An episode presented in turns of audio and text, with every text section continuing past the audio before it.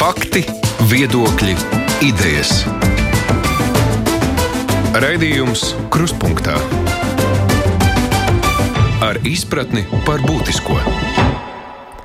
Krustpunktā studijā Aits Tomsons. Labdien! Mēs vakar atcerējāmies Baltijas ceļu jubileju. Nu, jau ir pagājuši vairāk nekā 30 gadi, kopš latvieši, igauņi un lietuvieši sadavušies rokās, demonstrēja savas ilgas pēc neatkarības. Pēdējās dienās televīzijas un arī datora ekrānos redzamais atgādina kaut ko pazīstamu. Atkal cilvēki stāv sadavušies rokās, atkal plīvo karogi. Tikai šoreiz tie nav Baltijas valstu, bet mūsu kaimiņu karogi. Tagad par savu brīvību cīnās Baltkrievi. Viņi to arī toreiz 90. gados izcīnīja, bet, nu, spriežot pēc rādātā, to atkal vēlāk zaudēja. To, ko šobrīd redzam Baltkrievijā, varētu droši vien dažādi dēvēt, bet nu, jautājums ir, vai sadodoties rokās, joprojām var panākt kaut kādas pārmaiņas. Es esmu pārliecināts, ka uz šo jautājumu daudz šajās dienās meklē atbildes. Baltijas ceļā ar sadošanos rokās vien nepietika, sekoja arī tālākie notikumi. Un jautājums, kas gan nākamajās dienās sagaidāms Baltkrievijā? Kam ir gatava mūsu kaimiņu tauta un par kādu vienotību runa ir tur. Šodien intervijas dienā saruna noritēs mums ar tulka palīdzību, jo mēs šoreiz esam aicinājuši raidījumam pievienoties pašus Baltkrievus. Un atšķirībā no citām pirmdienām mums saruna būs nevis ar vienu, bet ar diviem cilvēkiem. Mēs spriedām, ka vajadzētu uzklausīt gan tādu, kurš ir iesaistīts politiskajos procesos un tātad saistīts ar pašreizējās Baltkrievijas nu, tā, opozīcijas pārstāvjiem, nu, un arī kādu, kurš spētu uz to palūkoties vairāk no malas.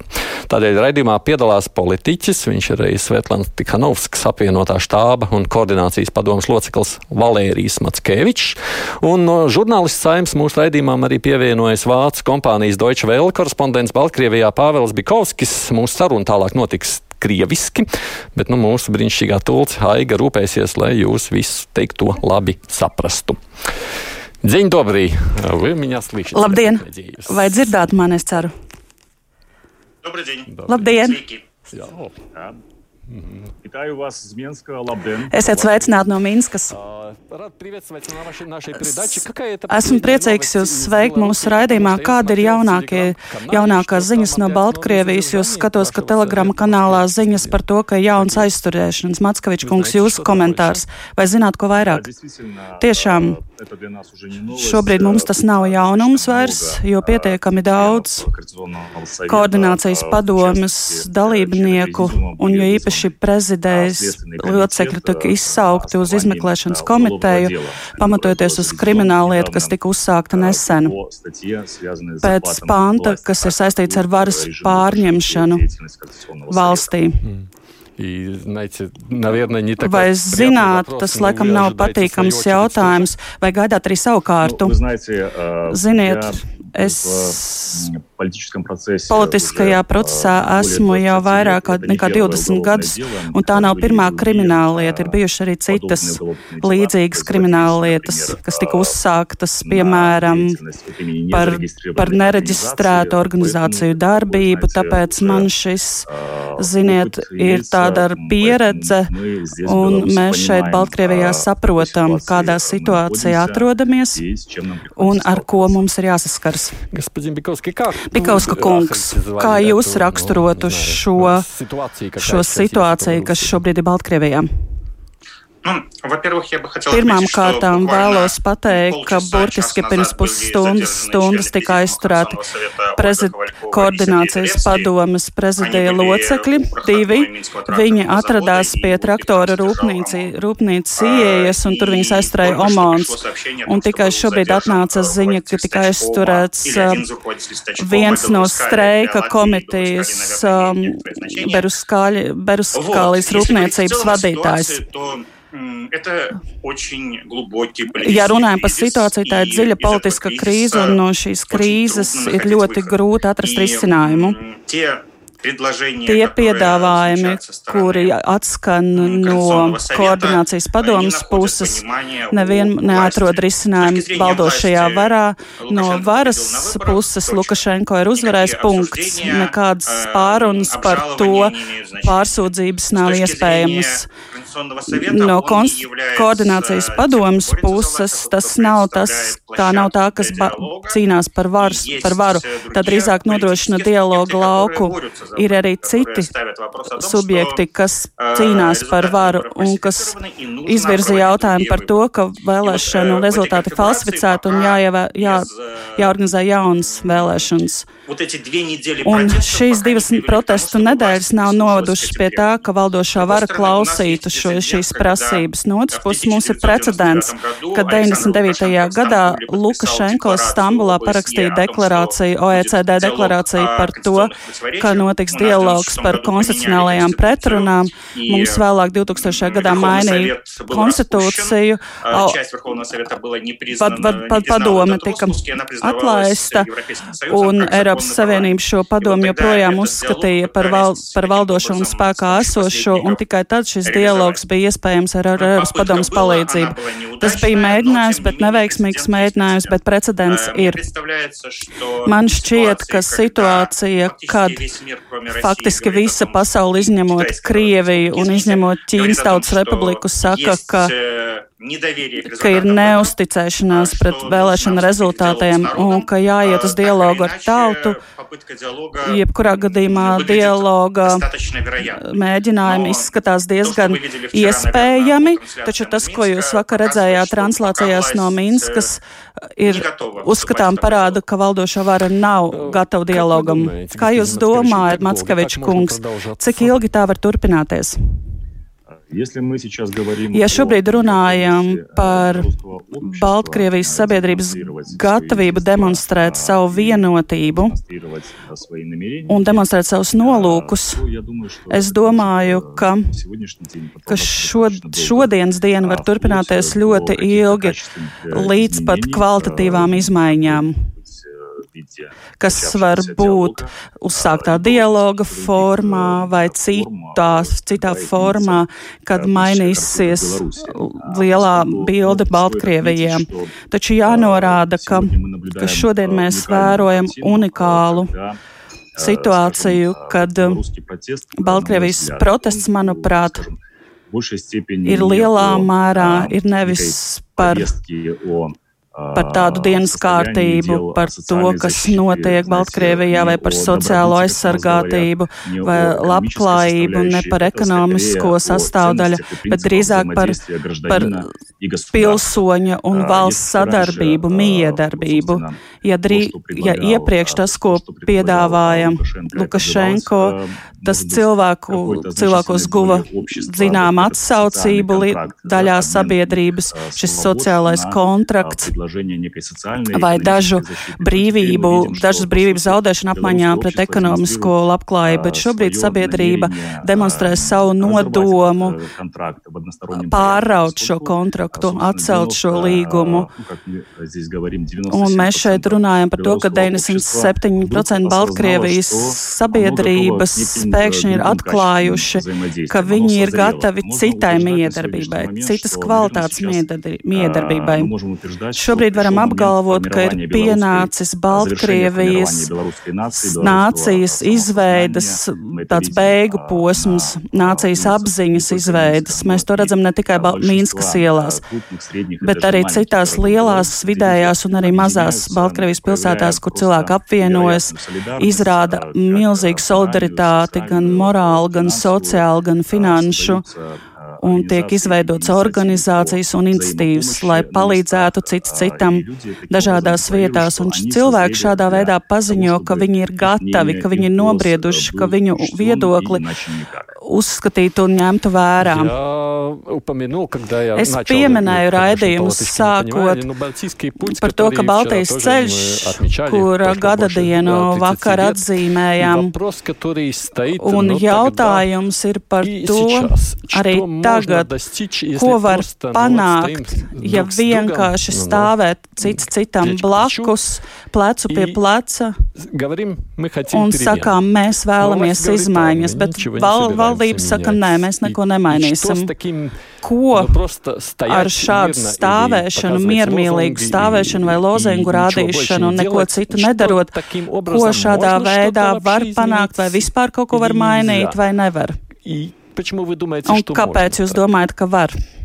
А, Вы знаете, э, Ziniet, я продолжу свой ответ таким Es образом, что пока turpināšu savu белорусы, atbildi э, šādi, ka kamēr мирно, Baltkrievija э, m- участвуют miermīlīgi в piedalās таких акциях, šādās akcijās, kur, kur viņi demonstrē konsolidētu viedokli. Tā nav vienkārši akcija, kur Baltkrievi jūt, ka viņi ir vairākumā vai ka viņu viedoklis tiek apsprēts nevis virtuvē, bet, bet ielās un pilsētu laukumos. Tā nav tikai vienotības sajūta. Ir jāsaprot, ka šajā brīdī notiek paralēli Mēs arvien vairāk redzam va valdības pārstāvis, kuri publiski paziņo, ka atbalsta pilsoņu pozīciju, ka viņi publiski atbalsta protestus, publiski atbalsta varas maiņu. Tie ir pazīstami sportisti, kas vakar bija kā atbalsts kas vēl vakar bija kā atbalsts valdībai, bet šodien jau atbalsta protestantus. Tie ir gan ierēģi, tie ir gan а, rūpnīcu высшего darbinieku, среднего звена. Это и силовики, Tie которые arī открыто dažādi записывают какие-то drošības обращения о spēku том, что, pārstāvi, kuri akt, а, atklāti им были ieraksta те или иные paziņojumus, приказы, за которые ka они viņi vairs отказались, nepilda а, выполнять. pavēles vai А, atsakās и всё pildīt это pavēles. влияет, э, Tas не viss только на ietekmē имидж, ne а, tikai власти, но valdības и tēlu, изнутри подрывает, bet arī no собственно, iekšpuses функциональное, а, sagrauj обеспечение. tās funkcionalitāti. Как вы думаете, господин Пиковский? то же Kā самое jūs domājat, вопрос. Bekovska kungs, tas pats jautājums? А, На самом деле я не настроен настолько Patiesībā es оптимистично. neesmu tik Э, optimistisks. Из-за отсутствия у нас э, Tā kā mums социологии, trūkst независимых socioloģisko, политическим neatkarīgo вопросам, socioloģisko мы не datu знаем, par politiskajām какая- aptaujām, какое mēs соотношение nezinām, людей, которые kāda ir поддерживают attiecība Лукашенко и tiem его cilvēkiem, противников. kuri atbalsta Мы знаем Lukašenko un kas предыдущие atbalsta опросы. viņu Мы имеем sāncenšus. определенное представление о том, Mums ir сколько людей aptuvens выходит на priekšstats митинги. par Вот to, cik по cilvēki данным iznāk МВД на митинги demonstrācijas- выходят люди в demonstrācijās, 55 городах. un tie cilvēki Э, 55 данные об участниках pilsētās. šie iekšlietu ministrijas dati ir ļoti trūcīgi, piemēram, 20 tūkstoši tur, kur visi saka, ka ir bijuši pie pilnīgi citas skaitļi, 200 vai 250 tūkstoši, taču pilsēta aptvērums parāda, ka principā tiešām, kā kolēģis teica, protesti ir aptvēruši visu Baltkrieviju, bet tas nenozīmē, ka ka valdība tiešām būs spiesta reaģēt uz šiem protestiem ja, ja protesti izbeigsies. Bet, un protesti var izbeigtos, nav iespējams protestēt bezgalīgi.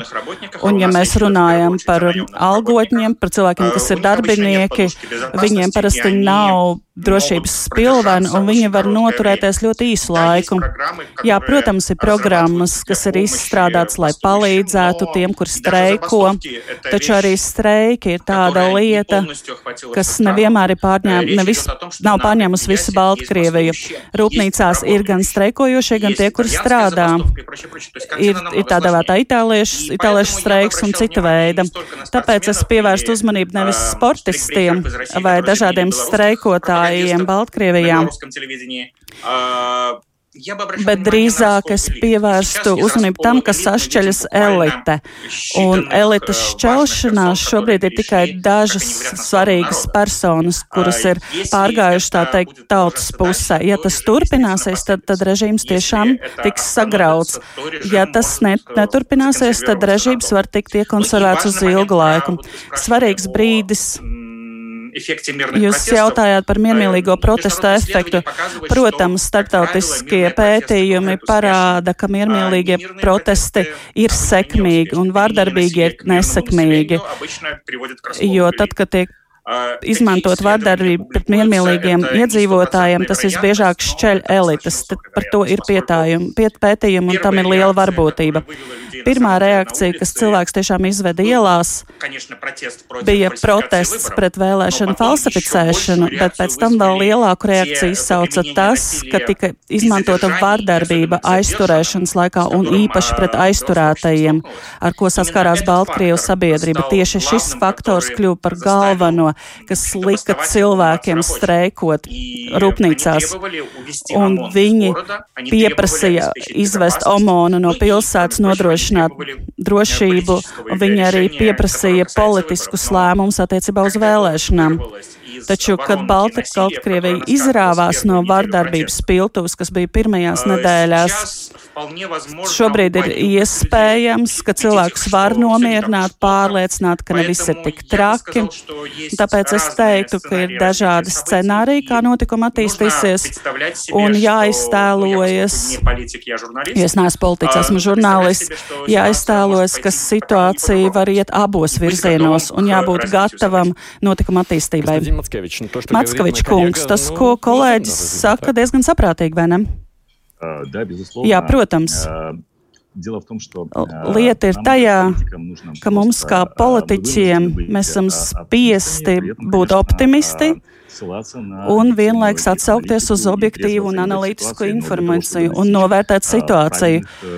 Taču, lai sasniegtu šos mērķus un pārstāvētu vairākuma tiesības, mums ir jābūt optimistiskiem. Protams, scenāriji var būt dažādi, un kā kolēģis norādīja, miermīlīgi protesti tie tiešām, kā vēsture rāda, var būt viss visefektīvākie, tiem var būt pozitīvi rezultāti. Protams, tagad nav tie laiki, kad ir, ir vērts kaut kā kardināli ietekmēt situāciju un, un izrādīt spēku. Tieši otrādi, jo to dara pretinieki. Tagad, kad Baltkrievijas sabiedrība demonstrē šo mērogu, šo protesta mērogu un šo vilnu, jo propaganda vienmēr mums vēlas pateikt, ka cilvēku protestē ļoti maz, ka tā ir tikai neliela daļa cilvēku, kurus nekad nekas nav apmierinājis visus šos 20 gadus un kur vienmēr ir bijis maz, un ka lielākā daļa, jo īpaši tā dēvētie parastie iedzīvotāji, ka viņi atbalsta esošo valdību. Bet to, toties šīs miermīlīgās demonstrācijas un viss, kas ar to ir saistīts, sabiedrības apziņā un mēdīju pusē jau patiesībā parāda, ka tas ir gluži pretēji propagandas teiktam, ka lielākā daļa Baltkrievu jau ir par izmaiņām. Un te, protams, ir jāatceras arī tas fakts, ka, ka šajā vēlēšanu kampaņā mums, atšķirībā no citām kampaņām, mums ir ļoti daudz pierādījumu tam, ka vēlēšanas tika falsificētas. Tas ir gan pateicoties jaunām tehnoloģijām un iniciatīvām, kā piemēram, piemēram, golas, balss vai zubru, kas tika vērsta uz to, lai palīdzētu vēlētājiem paralēli ar pie iecirkņa veiktajām aptaujām norādītu savu izvēli, par ko viņi ir balsojuši, paralēli oficiālajiem rezultātiem. Un mēs redzam, ka pirmās atskaits no šīm platformām jau tagad apliecina, ka, ka pamatojas uz to, ka Lukašenko nevarēja iegūt tik daudz procentu balsu, cik par, par ko ziņoja CVK. Un paralēli šai pierādījumu bāzē mums ir arī citu, daudz citu faktu, kas demonstrē to, ka ir bijuši dažādi pārkāpumi vēlēšanu laikā. Tie gan video ieraksti no dažādiem iecirkņiem, no komisiju darba, kur var dzirdēt un redzēt, kā cilvēki diskutē par to, ko, ko parādīt pilsoņiem, vai ar īstiem cipariem, vai ar izdomātiem skaitļiem, kas tika sagatavoti iepriekš. Tas viss ir patiesībā fiksēts un tas viss ir publisks, tas viss ir acīm redzams. Nekā tāda kādreiz nebija. Kādreiz mums bija tikai tādi daži, daži fakti par to, ka kaut kur ir bijuši noteikumi pārkāpumi. Jā, kaut kur nelaida vēlēt, bija pārkāpumi, kaut kur neiekļauj komisijā opozīcijas pārstāvis un tā tālāk, bet drīzāk bija nepietiekami daudz pierādījumu. Taču šajās vēlēšanās mums ir bezprecedenta pierādījumi tam, ka vēlēšanas tika falsificētas un skaitļi, kas ir pieejami, neatbilst realitātei. Vēlos jautāt kolēģim. Ir informācija par to, ko saka Matskevičs kungs, un informācija, ko joprojām piemēram, rāda valsts mēdīja, un cik saprot, šī informācija ļoti atšķirīga no tā, ko mēs šeit runājam. Cik cilvēku nu, saņem patiesu informāciju jūsuprāt? Un cik cilvēku joprojām dzīvo ar to, ko redz valsts kanālos? Ну, смотрите, в Беларуси 7 миллионов Baltkrievijā ir 7 miljoni vēlētāji, nedaudz mazāk, un nedaudz vairāk par pusi no viņiem izmanto internetu.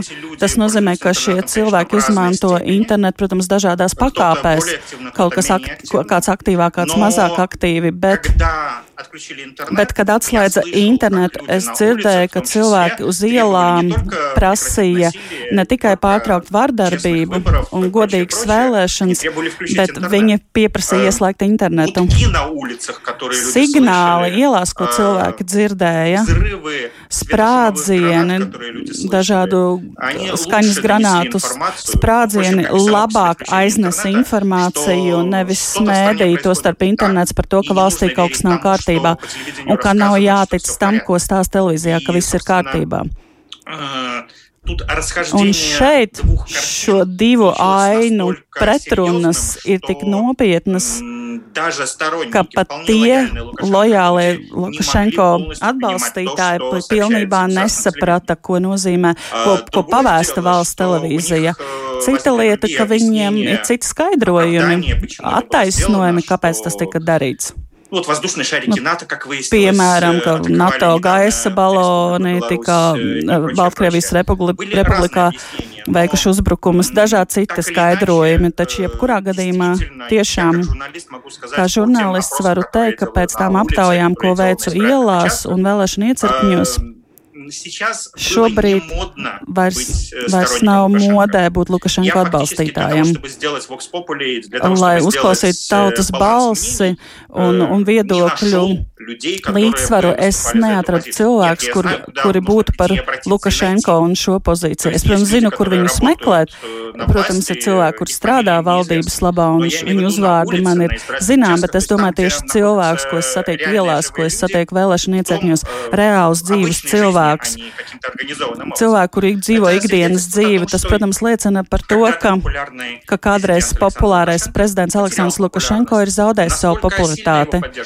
Cik liels viņa atbalsts mēs nezinām, bet mēs zinām, ka pēc 9. augusta, pēc tā, kas notika no naktī no 9. uz 10. 15. augustu, pat tas atbalsts ir samazinājies, acīm redzami, jo cilvēki Baltkrievijā ļoti negatīvi uztvēra vārdarbību, ar kuru viņi saskārās pie sevis mājās.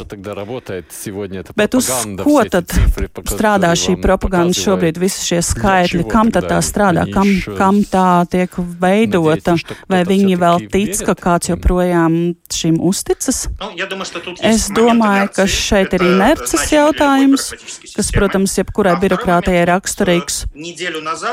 Un otrs, ne pirms nedēļas Lukašenko apciemoja lielu militārās rūpniecības rūpnīcu Minskā, kur viņu izsvilpa. Un ja viņam būtu laba informācija par to, kāda ir noskaņojuma strādnieku vidū šajā rūpnīcā, viņš noteikti tur nebūtu devis, devies, un šī tikšanās nenotiktu un notiktu citā formātā. Nav grūti autoritāram līderim norganizēt atbalsta grupu, kas imitētu tautas mīlestību. Šeit viņš atnāca pie cilvēkiem un viņi pieprasīja viņa aiziešanu. Un pat tas to bija spiest parādīt valsts televīzija. Es domāju, ka propaganda tagad Baltkrievijā ir saskārusies ar vēl vienu izaicinājumu.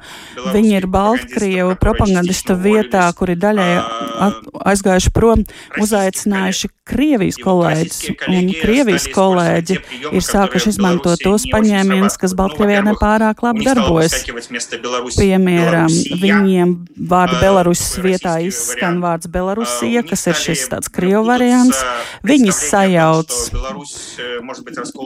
priekšstats par to, ka Baltkrievija var sadalīt austrumos un rietumos. Patiesībā mums tas nav iespējams, tas Ukrainas schēma pie mums nav iespējama. Mums tiešām ir atšķirības darba ētikā. Brest, Brestas reģionā un Mogaļas, Mogaļovas apgabalā, bet tas nav saistīts ar to, kurš kādā impērijā pirms tam ir dzīvojis. Šie 20 līdz 20 gadi, kas Rietumu Baltkrievijā, nav, kad nav bijusi padomju savienības vara, ir mazāk traumējuši iedzīvotājs. Drīzāk šī teritorija bija iepriekš ateistiska, bet tas nav sadalījis cilvēkus. Un, un, un robežas 39. gadā bija ap Minsku, un runāt par to, ka šķelšanās notiek pa Minsku, ir smieklīgi.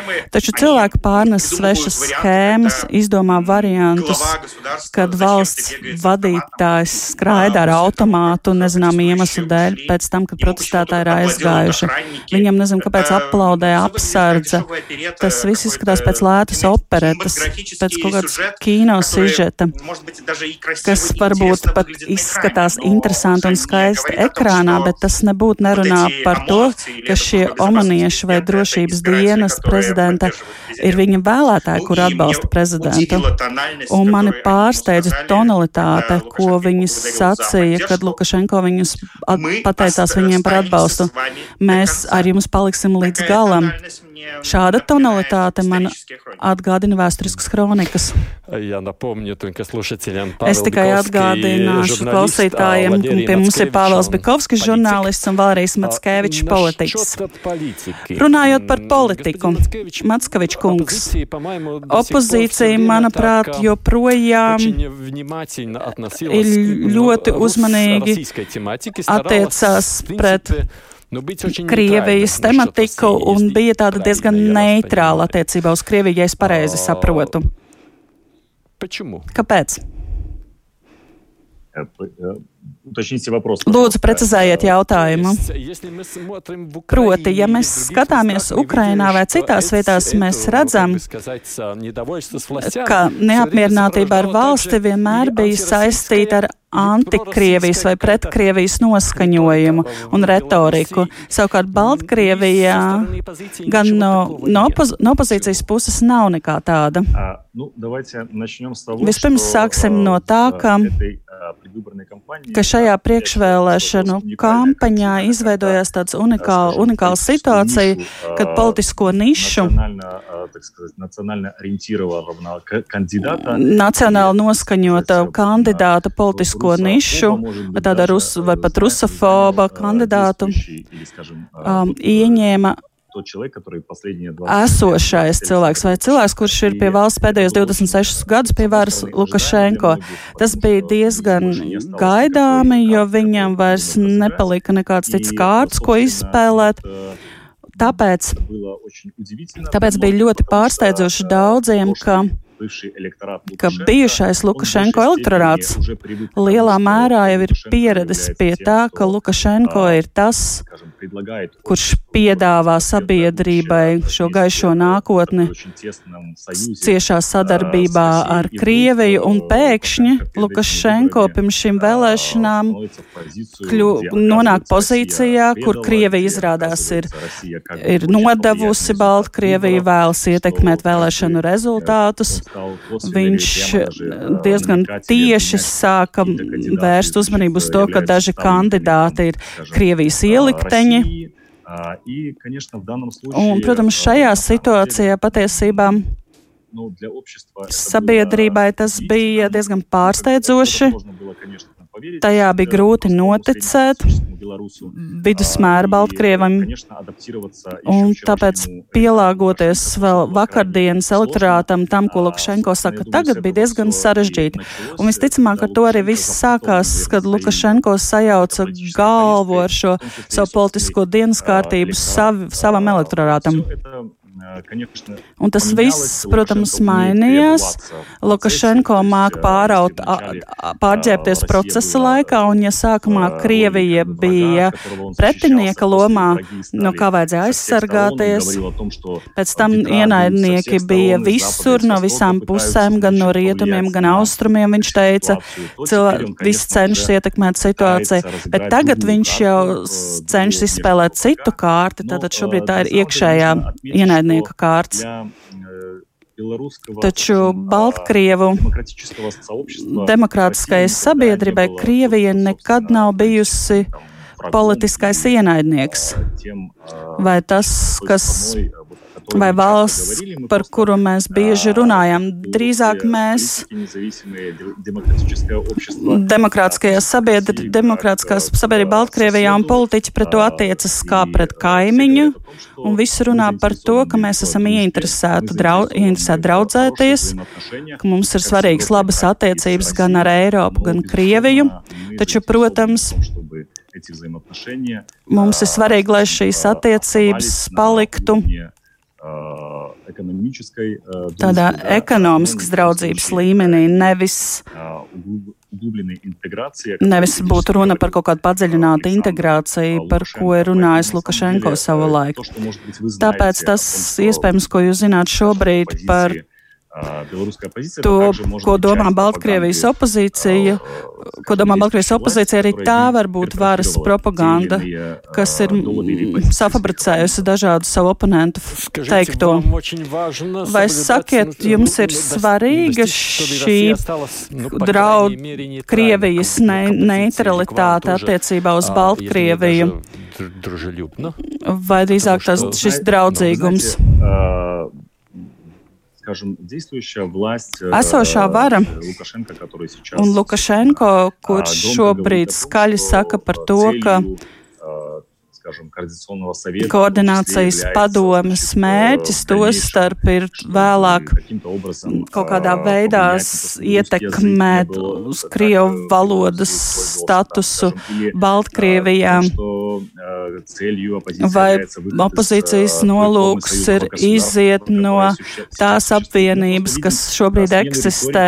Mēs vienkārši redzam retorikas maiņu, kas ir daļa no propagandas, daļa no narratīva. Mums tas ir diezgan ierasti, bet tas nekādā mērā nav daļa no realitātes, daļa no politiskās realitātes. Esmu pārliecināts, ka Baltkrievijā to visi saprot, un ka politiskā elite to saprot, un viņi saprot, ka koordinācijas padoma patiesībā ir institūcija, kurai nav mērķu, politisku mērķu, nemaz nerunājot, ka viņu dienas kārtībā nav Krievijas vai sadarbības ar Krieviju, bet ja mēs runājam kopā par noskaņojumu Baltkrievijā, un demokrātisko spēku noskaņojumu Baltkrievijā. Mums nav pretkrieviskas retorikas, mums ir drīzāk sapratne un ieinteresētība labās attiecībās ar visiem, tostarp arī ar Krieviju. Bikovska kungs, runājot par Krieviju, šķiet, ka tā joprojām ir saglabājusi tādu neutralitāti, bet vienlaikus jūs sakāt par propagandistiem, kas tika nosūtīti no Krievijas un citas informācija. Kā jums šķiet, kā tad būs turpmāk? Kādas būs attiecības ar Krieviju? то, что происходит в Белоруссии в ближайшие Tuvākajā nākotnē, tuvākajos mēnešos. Смотрите, только что Vēl nesen Sergejs Lavrovs no Krievijas ārlietu ministrs nocitēja pa, nepatiesu informāciju, kas tiek, it kā, kuras autorība tiek piedāvāta ko, Baltkrievijas op opozīcijai par to, kā mainīsies Baltkrievija. R runa ir par Janukeviča publikāciju, kurai patiesībā nav nekādas saiknes ar koordinācijas padomas programmu un kura nemaz nav publicēta tās tīmekļa vietnē, bet nu, katrā ziņā nav saistīti. Tad, taču Lavrovs to citē, tad noteikti tam ir bijusi kaut kāda saikna. Taču mēs redzam, ka Kremļa balss Dmitrijs Peskovs saka, ka Mīnskas protesti ir miermīlīgi un ka tas ir ļoti svarīgi un ka viņš cer, ka arī turpmāk šie būs miermīlīgi protesti. Redzam, ka Krievijas informācijas aģen, aģentūras, tieši aģentūras nevis televīzija, pietiekami korekti un pārsvarā korekti parāda to, kas notiek Baltkrievijā. Protams, ka viņi dod dažādas viedokļus, lai būtu viedokļu, viedokļu līdzsvars, taču viņi ļoti reti dod valdības valdības uzskatus un viedokli. Viņi drīzāk tiešām parāda to, kas notiek. Piemēram, ja tie ir 200 tūkstoši laukumā, tad viņi ir saka, ka tie ir tik daudz cilvēku, kas nonāk pretrunā ar to, ko saka Baltkrievijas iekšlietu ministrija. Tas nozīmē, ka Baltkrievija uzvedas diezgan līdzīgi kā Ar Armēnijas gadījumā. kad bija liela ieinteresētība vai, varas maiņas laikā, tad bija milzīga tāda tā kā līdzjūtība tam, ka izmaiņas notiek un jaunajai valdībai. Protams, es nesaku, ka tā, ka tā tas ir un būs, viss ir sarežģīti. Taču patiesībā tagad mēs ieraudzījām tādu kā fenomenu. Baltkrievijā vēlēšanu favorīti bija cilvēki bez politiskas izglītības un pieredzes - Cepkālo, Babariko, nemaz nerunājot par Tihanovsku, kura patiesībā ir mājasaimniece. Un šie cilvēki patiesībā pusotru mēnešu laikā, kampaņas laikā teica, ko viņi domā par pasauli, ko viņi domā par viņu vietu pasaulē un Baltkrievijā. Taču vēlēšanu kampaņai tas viss neizrādījās svarīgi. Pat izrādījās svarīgi tieši režīma maiņa. Daudzi ir noguruši no Lukašenko valdības 26 gadu garumā. Tā ir galvenā dienas kārtība. Tad drīzāk nav runa par ģeopolitiku. Ģeo par ģeopolitiku noteikti dažāds aprindas runās vēl ilgi, un ja varas maiņa notiks, noteikti šie strīdi būs vēl karstāki. Bet tas, ko mēs redzam šobrīd, ir tādi uzmanīgi izteikumi izteikumi no dažādiem politiķiem, kuri piedalās procesā ar Svetlanu Tikanovsku, ir nedaudz riskantāki izteikumi no tiem, kuri tajā nepiedalās. Un neviens no viņiem nerunā par to, ka mums vajadzētu iziet no apvienības ar Krieviju, iestāties NATO vai Eiropas Savienībā. Tas nav dienas kārtībā. Darba kārtībā ir vārdarbības pārtraukšana, vainīgo sodīšana un citi jautājumi, kas šķiet saprotami un obligāti privāti lielākajai daļai iedzīvotāju. Как? Это вопрос, наверное, вам обоим. Un jautājums jums abiem, kā jūs vērtējat rietumu reakciju, jūsu kaimiņu reakciju, tostarp arī Latvijas reakciju, vai sagaidāt kaut, kaut ko vairāk, vai gaidījāt kaut ko vairāk, lielāku atbalstu? Ko jūs sagaidāt no mums? Sāksim ar Matskeviču kungu. Nu, Pirmām kārtām jāsāk ar to, ka mēs labi saprotam viss, kas notiek Baltkrievijā, pirmām kārtām ir, ir rezultāts tam, того, что, к чему созрела Беларусь. Kā, kam ir nobriedusi Baltkrievijas sabiedrība. Mēs saprotam, ka kaut kādā veidā cilvēki vēlēsies tiekties uz politisko progresu un kā mainīsies politiskā situācija Baltkrievijā. Protams, ir ļoti svarīgi gan politiskais, gan morālais atbalsts no mūsu kaimiņiem, tostarp no Latvijas, Eiropas Savienības. Un mēs zinām, mēs zinām par to, kas jau ir bijis Eiropas parlamentā un kas ir tik izteikts tur. Un, un tā lēmumi par, par vēlēšanu rezultātu neatzīšanu un par Lukašenko atzīšanu par, par no, personu no grata Eiropā. Mēs, protams, labi saprotam, ka Lukašenko režīms ir, ir labi dzīvojis arī pirms tam, arī tad, kad viņus neatzina un nekur nelaida.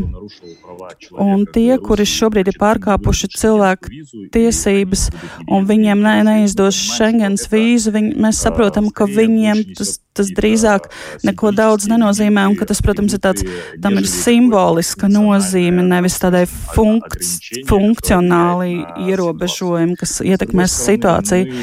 No otras puses, mums arī nav ilūziju par to, ka pēkšņi notiks kaut kas tāds un kas palīdzēs mums tā, tā pēkšņi un negaidīt. Baltkrievija jau sen ir sapratuši, ka situācija valstī ir, ir atkarīga no mums pašiem, no, un tā ir mūsu rokās.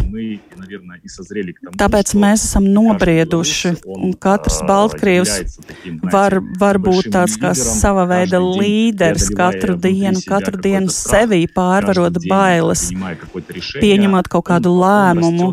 Viņš aug kā līderis. Un šī pašorganizēšanās arī dod augļus, jo daudzi šobrīd saka, kur tad ir līderis, mums vajadzētu līderi, kurš tad cilvēkus vestu.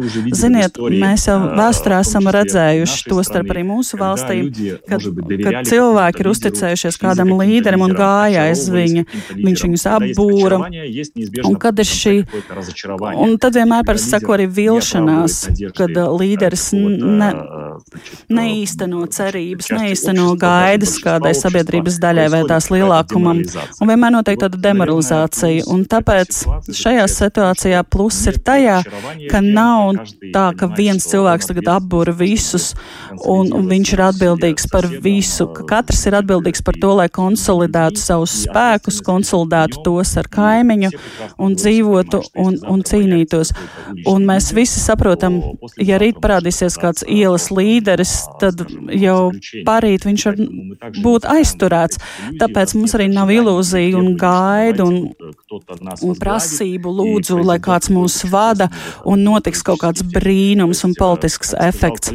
Kā teica kolēģis, Šie miermīlīgie protesti arī nonā, noveda pie tā, ka, ka vara reaģēja. Un šī apziņa, ka kaut kas notiek, noveda pie tā, ka arī žurnālisti, kas vēl vakar bija propagandisti, viņi sāka iet prom no darba un, un, un šī Krievijas propaganda, kas šķietami runā pilnīgas muļķības un nav, nav iekļausies Baltkrievijas narratīvā, drīzāk tā ir pretējs efekts. Un tā šī palīdzība drīzāk ir pēdiņās, tas tāds lāču pakalpojums. Un patiesībā palīdz Baltkrievijas sabiedrībai saprast, kas ir, kas ir balts un kas ir melns значит, об этой стороне внешней помощи. Да, то есть, ja mēs runājam par tādu kā palīdzību no ārpuses, uzaicinot šos žurnālistus no, no ārpuses, bet sanāca, ka viņi palīdz nevis Lukašenko, bet palīdz Baltkrievijas tautai. Jo, piemēram, tas, ko mēs vakar redzējām, ka iet 200 tūkstoši cilvēku ar bērniem, ar bērnu ratiņiem, ka mēs redzam jaunus pārus, kuri dejo ielās. Un te pēkšņi mēs redzam šos sižetu ar Lukašenko un ar automātu, kurš lido ar helikopteri virs 20 metrus virs zemes vis, visai šai kolonai pāri atskanot kaut kādiem nelabiem komentāriem. Un tas viss ir masu mēdījos, kas ir oficiālajie mēdīji. Tajā brīdī, protams, šķiet, ka viņi paši sev iešauj kājā. Un jebkurš saprātīgi domājošs cilvēks saprot, kas ir kas. Bikovska kungs, kā jūs domājat par rietumu reakciju? Nu, смотрите, у нас уже есть прецеденты, когда Skatieties, mums jau ir precedenti, kad rietumu sankcijas ir palīdzējušas atbrīvot politieslodzītos Baltkrievijā. Šobrīd ties, politisko tiesību pārstāvi Krievijā, Baltkrievijā uzskata, ka mums ir 26 politieslodzītie. Vēl ir daudz cilvēku, kuri ir aizturēti par masu nekārtībām, un tur ir iesāktas krimināla lietas. Un vēl, protams, ir jautājums par izmeklēšanu ziņošanu par um, vārdarbības izmantošanu un aizturēto spīdzināšanu. Tam visam ir vajadzīga startautiska reakcija, un lielā mērā tā jau šobrīd notiek. Es redzu gan, gan rietumu valstu līderu izteikumus, kuri saka par to, ka šo nedrīkst atstāt bez ievērības. Mums ir bijuši precedenti, kaut vai Stambulas deklarācija, kad Lukašenko bija jāiestājas tiešā dialogā ar opozīciju. Taču rietumiem jau ir zināma pieredze ar to, kā, kā sadarboties ar Lukašenko, un šobrīd visticamāk tiks izstrādēta mehānismi, kas tiks vērst uz tā, lai veiktu īstu dialogu, nevis imitāciju. Nezinu, vai tas būs sekmīgi.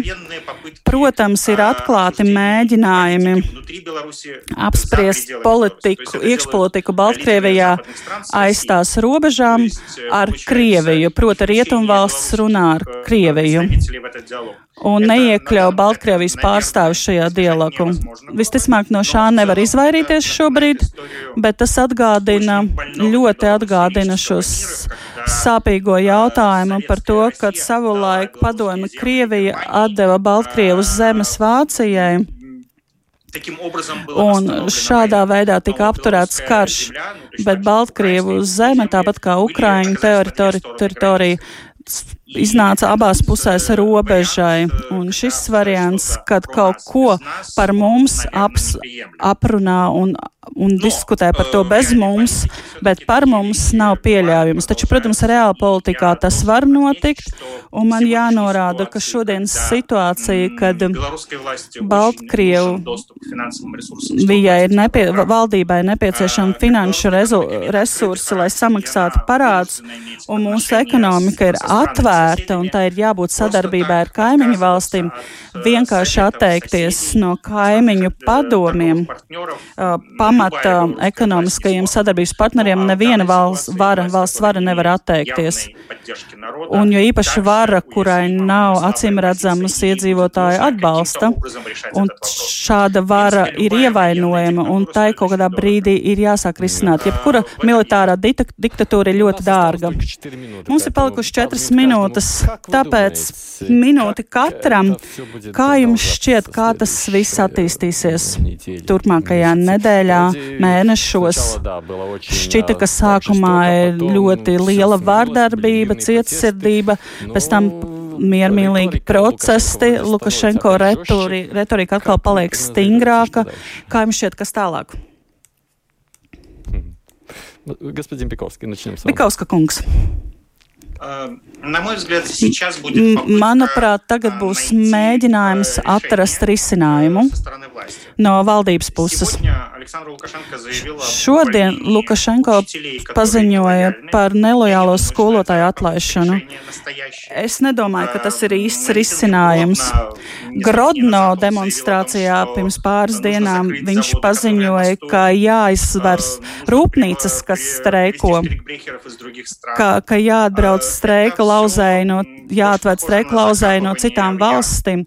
Tas viss izskatās pēc tāds ap problēmas aprakšanas, bet šobrīd drošības spēki ir lojāli Lukašenko, cilvēki iet uz darbu. Izejot uz ielas, jūs redzat, ka strādā kafejnīcas, brauc sabiedriskais transports, strādā uzņēmumi. Taču tas nenozīmē, ka cilvēki atsakās no sava viedokļa un pārliecināt viņus mainīt savu uzskatu.